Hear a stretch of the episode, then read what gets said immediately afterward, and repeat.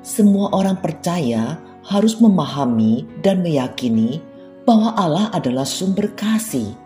Adalah penting memiliki pemahaman yang benar tentang Allah dan kasihnya supaya orang percaya tidak salah mengerti bahwa kasih Allah tidak selalu diartikan dengan sesuatu yang menyenangkan atau membahagiakan sebagaimana konsep manusia pada umumnya pemahaman yang benar akan Allah harus diwujudkan dengan sikap hidup yang benar, sehingga dalam segala keadaan, baik bahagia maupun menderita, tetap memuji Tuhan. Kemampuan dan kekuatan orang percaya dalam menghadapi penderitaan dan api siksaan akan membuat kasih Allah semakin tampak nyata Hal yang tidak kalah penting adalah sikap rendah hati dan ketetapan hati.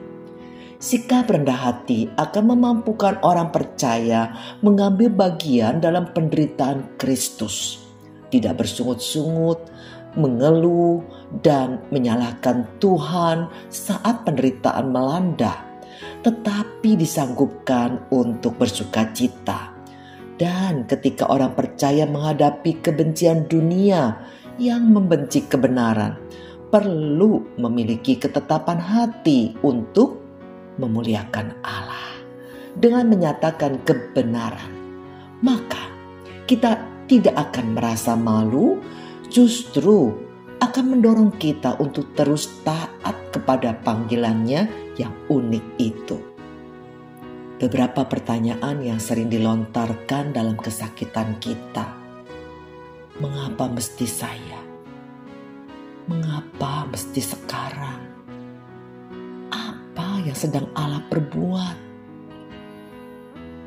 Penderitaan adalah alat yang Allah pergunakan untuk membuat kita lebih peka dan untuk mencapai tujuannya dalam kehidupan kita penderitaan dirancang untuk membangun kepercayaan kita kepada Yang Maha Kuasa.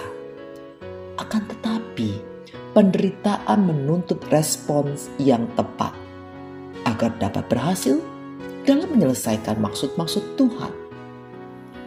Penderitaan menekan kita untuk meninggalkan kekuatan diri sendiri kepada hidup oleh iman dalam kekuatan yang berasal dari Allah penderitaan itu sendiri bukan satu kebaikan, juga bukan tanda kehidupan yang suci. Penderitaan bukan satu cara memperoleh sesuatu dari Tuhan atau sebagai cara mengalahkan kedagingan, seperti dalam askese atau penyiksaan diri. Sedapat mungkin, penderitaan harus dihindari. Kristus juga menghindari penderitaan kecuali kalau itu merupakan tuntutan kepatuhan kehendak Bapa. Pengkhotbah bab 7 ayat 14 berkata, Pada hari mujur bergembiralah, tetapi pada hari malang ingatlah bahwa hari malang ini pun dijadikan Allah seperti juga hari mujur supaya manusia tidak dapat menemukan sesuatu mengenai masa depannya.